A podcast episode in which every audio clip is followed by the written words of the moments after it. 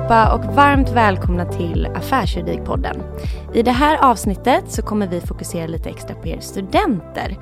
Och idag så tänker vi djupdyka i några av våra verksamhetsgrupper så att ni får veta lite mer om vad de gör och vilka arbetsuppgifter man kan tänkas utföra. Jag heter Gabriella Johansson och jag jobbar som HR-journalist här på Sirio. Och med mig idag så har jag tre riktiga proffs som ska hjälpa mig besvara alla frågor, nämligen Studentrådet. Det är bestående av Vilma Elm, Jonathan Jademyr Sassi och Selma Didriksson Fröjd. Hej på er! Hej! Halloj! Ni kommer alldeles strax att få presentera er, men innan det så tänker jag att jag ska berätta lite kort om Sirio. Vi är ju en fullservice affärsjuridisk byrå som har kontor i centrala Stockholm. Och sen i augusti så sitter vi i nya lokaler på Biblioteksgatan. Vi har 120 medarbetare varav 75 stycken är jurister och de tillhör våra fem olika verksamhetsgrupper som vi har. Och det är M&A, kapitalmarknad, bank och finans, process och specialistgruppen. Och några av de här kommer ni att få veta lite mer om alldeles strax. Vi har sedan vi blev Siri också haft ett väldigt stort fokus på just progressiva områden och branscher. Vi har därför valt att ha fyra sektorsgrupper där juristerna i de olika verksamhetsgrupperna ja, men blandas och diskuterar aktuella nyheter, anordnar event och liknande. Eh, de olika sektorsgrupperna är digitalisering och tech, eh, life science, hälsovård och livsmedel, energi och infrastruktur och sist men inte minst fastigheter. Och idag ska ni få, som sagt få höra lite mer om de verksamhetsgrupperna där ni i studentrådet arbetar. Jag tänker att först ska ni få presentera er, så om vi börjar med vart ni har pluggat, hur ni kom i kontakt med Sirio och i just vilken av de här verksamhetsgrupperna ni arbetar i. Vilma, vill du börja? Absolut. Eh, jag heter Vilma Elm och har eh, pluggat på SU eh, först och främst. Och sen så eh, sökte jag mig till Sirio för en kvällsassistentroll. Och började här i januari 2021 tror jag att det var. Och Gammal i gamet nu. Ja, ja precis, precis. Eh, sen så eh, nästan direkt när jag började, kanske två, två veckor senare, så kom det en öppning som assistent i eh, bank och finansgruppen. Eh, där jag gick in på obeståndssidan och jobbade enbart med administration i obeståndsärenden egentligen. Eh, och sen så jobbade jag där under hela sommaren eh, och hösten. Och sen så eh, var jag också uppsatspraktikant under våren. Och sen så gled jag in som biträdande jurist i, i samma grupp under förra sommaren. Ja, Och nu, Det var du det. blev kvar helt ja enkelt. precis. Ja. Och nu jobbar jag också som jurist då i, i bank och finansgruppen på den sjuka sidan, på obeståndssidan. Helt enkelt. Precis, och det ska du få berätta lite mer om lite längre fram. Ja. Och Jonathan, Ja, jag eh, pluggade ju nere i Lund istället eh, och eh, var också uppsagt praktikant här. Men kom egentligen i kontakt med byrån genom en ja, gammal, inte kursare egentligen, men jag, vi pluggade samtidigt nere i Lund. Jag och en tjej som heter Sofie som rekommenderade Sirio när hon började jobba här. Och sen dess har jag varit uppsagspraktikant och sen gick jag över till att fortsätta jobba här för jag trivdes så bra. Mm. sen i höstas är ju du biträdande jurist. Precis, så att det är ganska nyanställd. Exakt. Och Selma, Ja, sist men inte minst. exakt så. Eh, och Selma heter jag. Eh, jag pluggade på SU precis som Vilma. Och jag har jobbat på Syrio i ett år blir det nu. Just det. Eh, så precis som Jonathan så började jag som uppsatspraktikant då för ett år sedan. Eh, och sen när jag blev klar med eh, mitt examensarbete så började jag i Sirius specialistgrupp. Eh, och jag kom i kontakt med Sirio genom min specialkurs i IT-rätt som jag läste. Eh, där vi fick komma på ett lunchseminarium eh, och träffa några coola tjejer som jobbar med dataskydd. Och då kände jag att det var precis här jag skulle vara. En sån du ska bli. Exakt så, och så blev det. Så jag började i februari på riktigt som biträdande jurist. Just det. Man får ju säga att vi verkligen är en grupp som slår ett slag för precis Där vi alla tre har gjort det. Gemensam Det är en nämnare. väldigt bra fot in, så att säga. Det är ju det. Verkligen. Och ni alla uppenbarligen har ju gjort uppsatspraktik även i de grupperna som ni idag jobbar i också ju. Precis. Ja. Mm.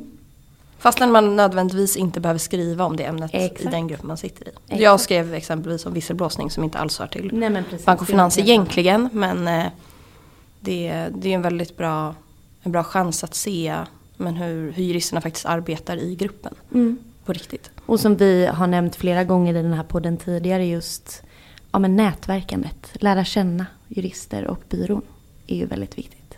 Men även känslan som uppsatspraktiken gav av att man visste vad man ville göra när man väl tog examen. Det var en väldigt skön, betryggande del för mig.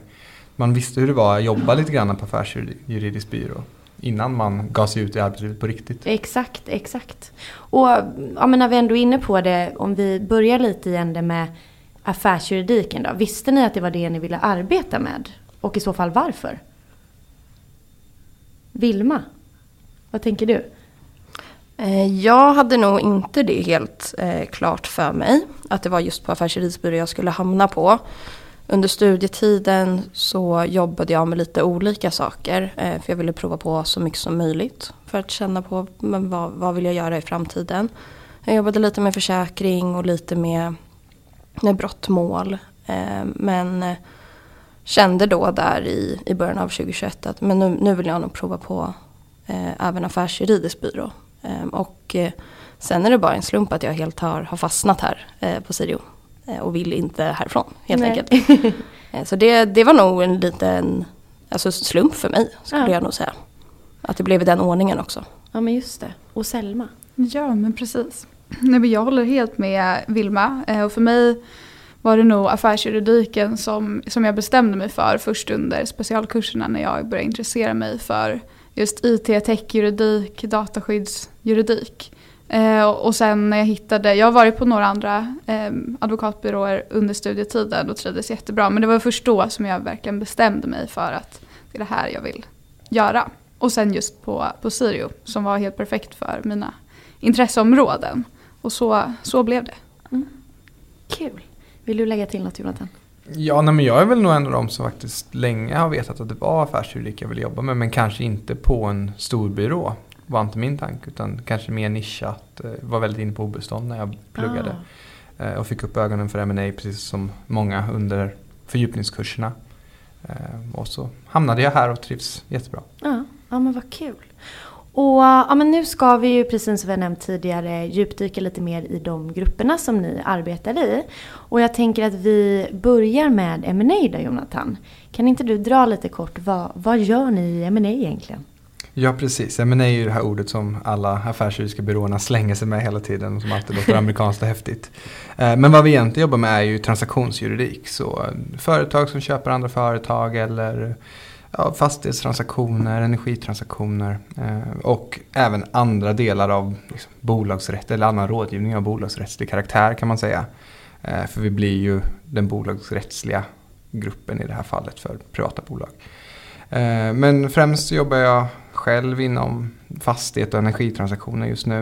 Eh, Men det är ju väldigt öppet och det finns ju alltid möjlighet att hoppa på ett nytt projekt. Just det. För det kan man också säga att vi jobbar ju väldigt projektbaserat. Så att man kommer in i början av en transaktion och sen går transaktionen genom olika faser. Allt ifrån då DD som man säkert har hört under utbildningen också som är due diligence där man går igenom riskerna och gör en riskanalys över ett bolag till eh, förhandlingar, mycket klientkontakt, kommunikation för att hitta lösningar på liksom, hur transaktionen i slutändan ska gå i mål för alla inblandade. Liksom. Fördelen med det här är att det är oftast en väldigt positiv del eh, i alla företag, både från köp och säljsidan. Så det är väldigt mycket glada miner när man väl får ihop allting. Ehm, och ja, vi på Sirio har ju vi jobbar ju med både fastighet och energi men också VC och PE som är då alltså venture capital och private equity. Eh, och det är ju mycket så här, mycket amerikanska begrepp och olika upplägg. Och ja, men du var inne lite på det tidigare just att först hade du kanske tänkt dig ja, men en mindre byrå nischad mot obestånd. Hur, hur kom det sig att du hamnade i M&A här nu när du skulle skriva uppsats? Ja, egentligen så det blev ju att jag började luta mig allt mer mot transaktionsjuridiken under tiden jag liksom läste på universitetet och insåg att jag kanske inte tyckte att det här juri, liksom det finliret i det juridiska var det roligaste. Och fördelen med transaktionsjuridik är just att det är väldigt mycket liksom affärer istället för väldigt mycket juridik. Så att man jobbar ju absolut juridiskt men kanske mer åt affärssidan än åt den liksom lagbokssidan om man uttrycker det så. Eh, och sen när jag väl började skriva min uppsats så skrev jag den inom arbetet. Jag skrev faktiskt också om visselblåsning Vilma. Eh, så du var inte ensam om den. Eh, men, eh, och då har vi en, hade vi precis en nyanställd arbetsrättare som heter Lisa Eriksson här på byrån som, fick, jag, som jag fick som handledare för mitt arbete. Och hon jobbar just i ma gruppen Så det blev naturligt att jag jobbade där eh, och kände liksom väldigt tidigt att jag tyckte det var väldigt roligt och då, då fastnar man.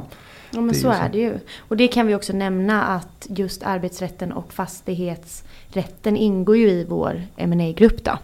Eh, så de sitter ju tillsammans med det. Och vad är det som har varit svårast? Ja, men det Bred är väl, fråga, nu, har, men- nu, har jag ju redan, nu har jag redan slängt mig med lite av de här förkortningarna men det är väl hela det här VC, PE, eh, ja, DD, SHA, SBA. Det är ju väldigt mycket amerikanska förkortningar. Eller svenska förkortningar för den delen också. Mm. Och att komma direkt från universitetet där man läser väldigt, väldigt lite affärsjuridik egentligen framför allt åt kanske ma hållet och transaktionshållet. Då blir det helt plötsligt en chock när man träffar kollegor som kan det här som rinnande vatten och säger kan inte du hjälpa mig med ja, upprätta ett SBA? Och så sitter man där och försöker googla frenetiskt efter vad är ett SBA? Ehm, Så det var nog en liten chock för mig i början liksom att se alla de här liksom, förkortningarna som man aldrig har sett tidigare. Men det är ju också väldigt skönt för man jobbar ju i team och man har ju både kollegor och en fadder som alla är lite samma ålder och som man liksom kan prata med väldigt enkelt. Så det är alltid lätt att fråga också om Ja. det är någonting. Är det någon annan som har något att tillägga på just vad, vad som har varit det svåraste med att börja jobba på Ja, affärsjuridiksbyrå? absolut. Eh, men för mig var det en stor omställning att gå från att eh, läsa ett rättsområde i taget på universitetet och sen tenta av det till att komma till en grupp där jag i alla fall jobbar med väldigt många olika rättsområden, kanske på samma dag.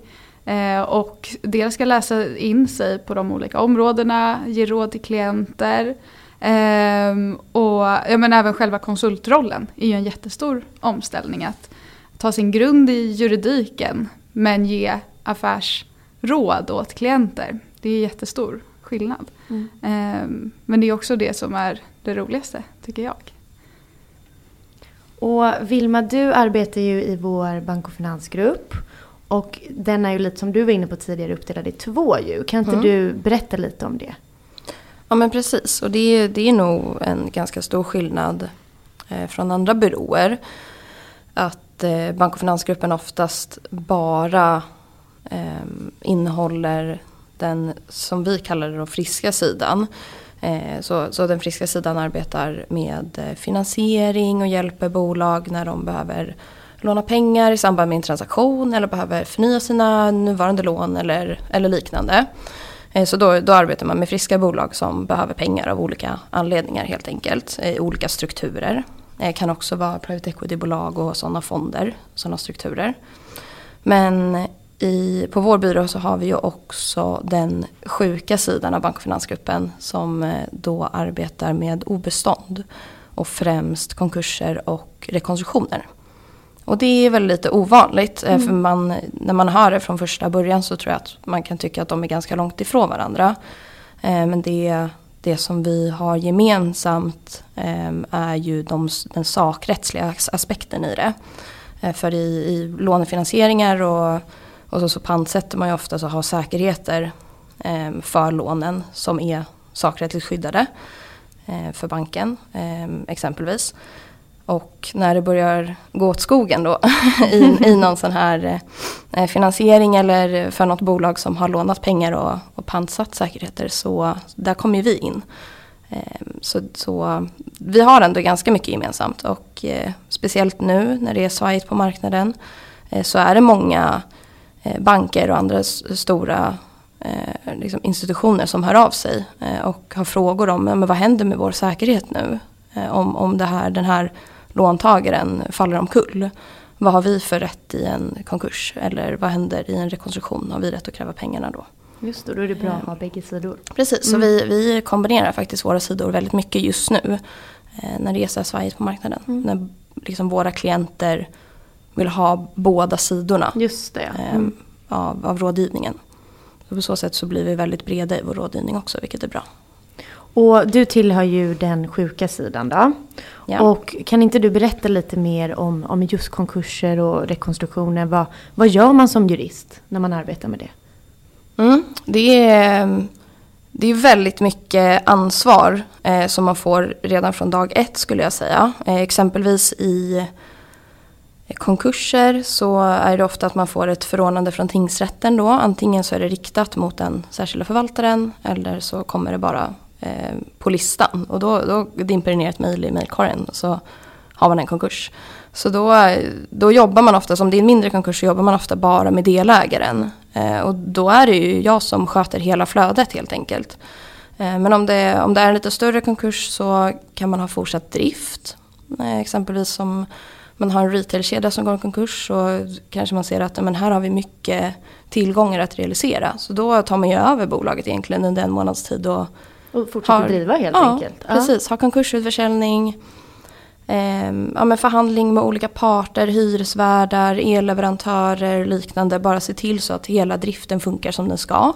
Eh, och där är man inne väldigt tidigt eh, också i de förhandlingarna helt enkelt. Prata med kunder, någon som har något presentkort som inte går att använda eller liknande. Eh, så det, det, är väldigt varierat beroende på mm. vilket bolag som kommer in också. Eh, sen så har vi ju just nu också väldigt mycket rekonstruktioner. Eh, också under den nya lagen som trädde i kraft förra augusti. Och där är det också mycket, mycket rådgivning eftersom där är bolaget fortfarande igång eh, och har sin egen ledning. Där är, vi, där är vi mer ett ett externt ombud som ett stöd för bolaget. Eh, men det är också väldigt mycket förhandlingar man sitter i eh, med olika parter. Eh, borgenärer eller, eller hyresvärdar speciellt. Men ja, ibland så ska man också sälja, avyttra tillgångarna i exempelvis ett konkursbo. Då är det man upprättar köpavtal, granskar bokföring, anmäler misstanke om eventuell brottslighet har vi också skyldighet att göra. Så det är det är väldigt, eh, väldigt, väldigt varierat och det beror helt på vad man har för bolag i konkurs eller i rekonstruktion. Och det kan komma ja, men, väldigt liksom, snabba puckar från ingenstans som man måste lösa direkt. Eh, men vi har också tidsfrister som är väldigt långa. Som löper så, på liksom. Ja, ja, så det är väldigt dynamiskt Just arbete det. skulle jag säga. Låter ju superspännande. Ja, verkligen. Och vad skulle du säga är de största utmaningarna?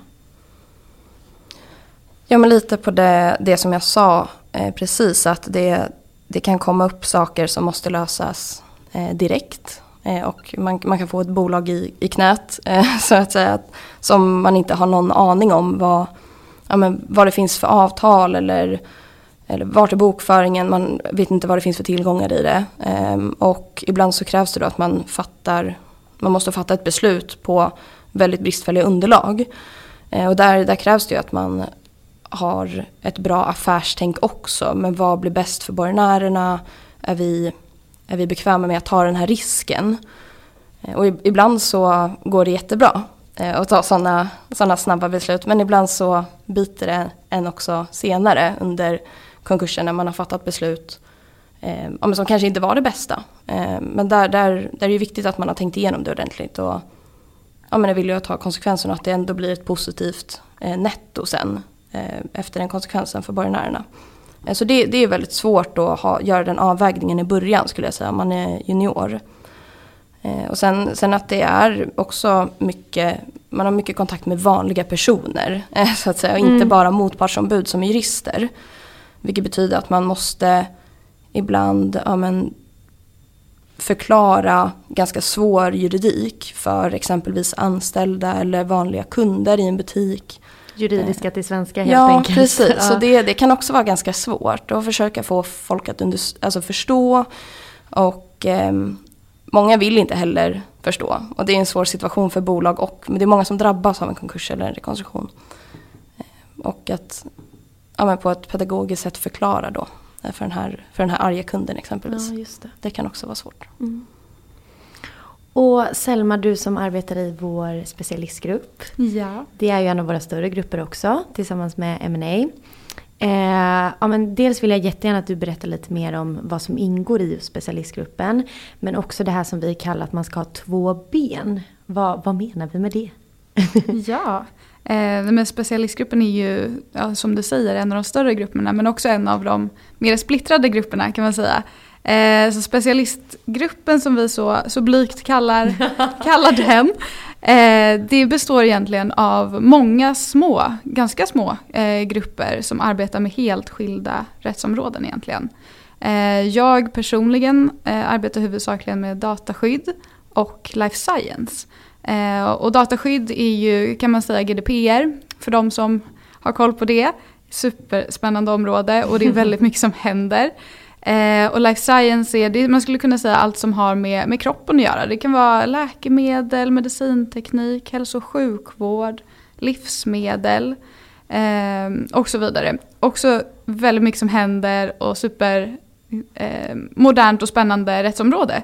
Eh, men sen utöver det så har vi också vi har IP-rätt, energi och miljö, offentlig upphandling, konkurrensrätt, eh, generellt IT-tech, det är kommersiella avtal eh, som ingår under specialistgruppen. Så det är väldigt splittrat och eh, eh därför uppmanas vi också ha eh, två ben eh, som du nämnde.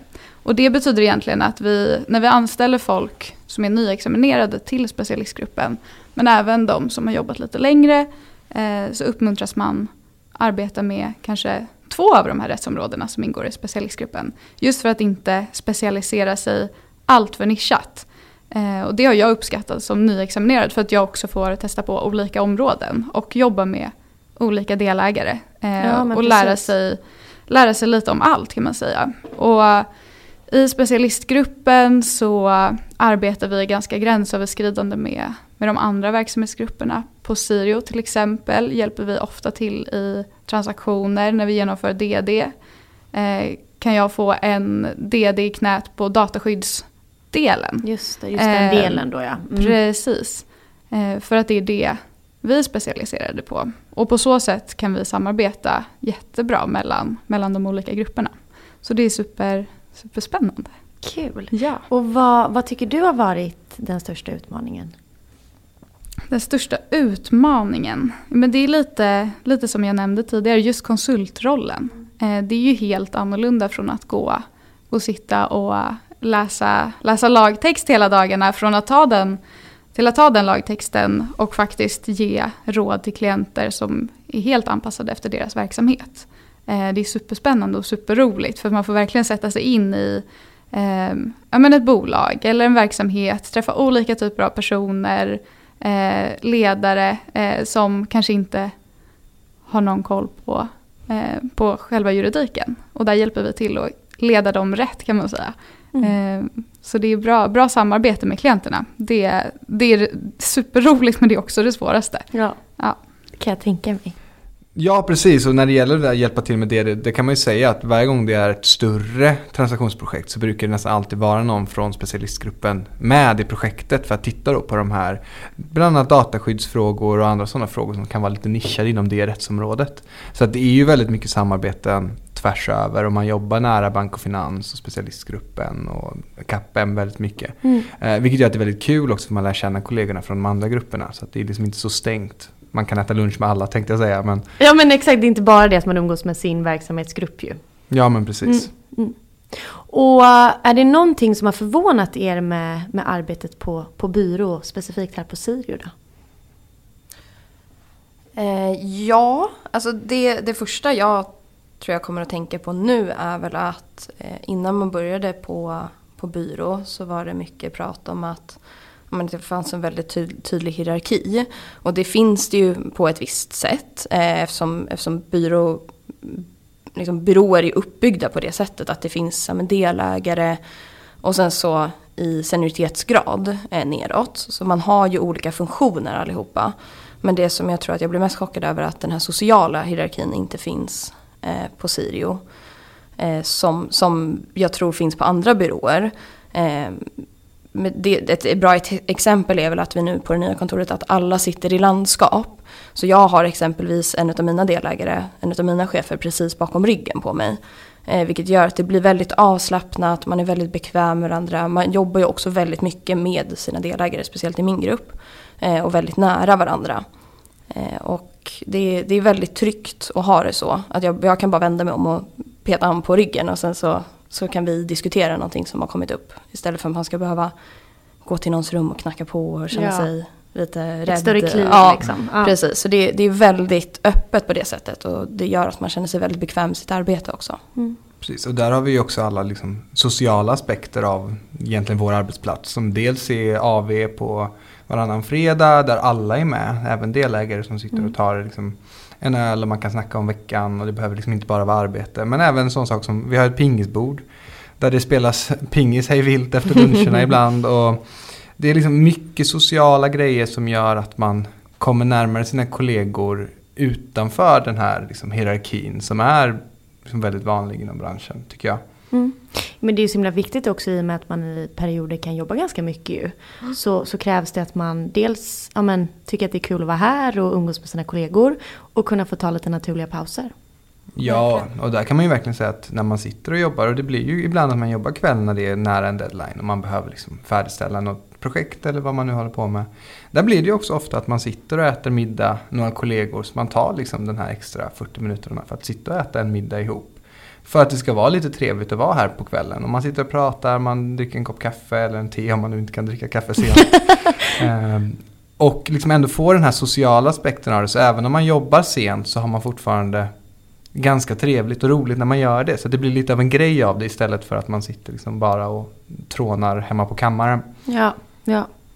Och har ni några tips till alla de studenterna som nu förhoppningsvis lyssnar på det här avsnittet? Om de är nyfikna på just affärsjuridiken och, och oss på Sirio, vad, vad tycker ni att de ska göra då? Jag tycker att det bästa är att ta ett extra jobb vid sidan av. Eh, och det finns hos oss till exempel så söker vi vid behov kvällsassistenter som egentligen tar över när ordinarie assistentpersonal går hem på kvällarna. Eh, vi tar in uppsatspraktikanter eh, när man läser då sista terminen på juristprogrammet. Eh, och det verkligen börjar närma sig. Och sen sommarnotarier. Eh, och alla de tjänsterna är ett perfekt sätt att få se hur det är att arbeta på byrå och lära känna folk, eh, känna sig lite varm i kläderna innan man går ut på riktigt i arbetslivet. Exakt så. Och nu är det inte heller så långt kvar tills vi faktiskt öppnar sommarnotarieansökan. Första november. Så då får man vara snabb in. Och även alla höstens mässor har ju dragit igång. Så därför hoppas vi att vi träffar just er på någon av dem på kommande universitet. Och håll även utkik på vår karriärsida efter kommande studentevents här på plats på Sirio. Stort tack till alla er som har lyssnat och till er som vill veta mer så vill vi tipsa om att lyssna på de andra studentavsnitten. Eh, skulle det vara så att ni har några frågor så är ni varmt välkomna att höra av er till mig eller till någon av er i studentrådet. Självklart. Ja, Absolut. absolut. Tusen tack och ha en fortsatt fin vecka. Tack så mycket. tack. tack. Hej.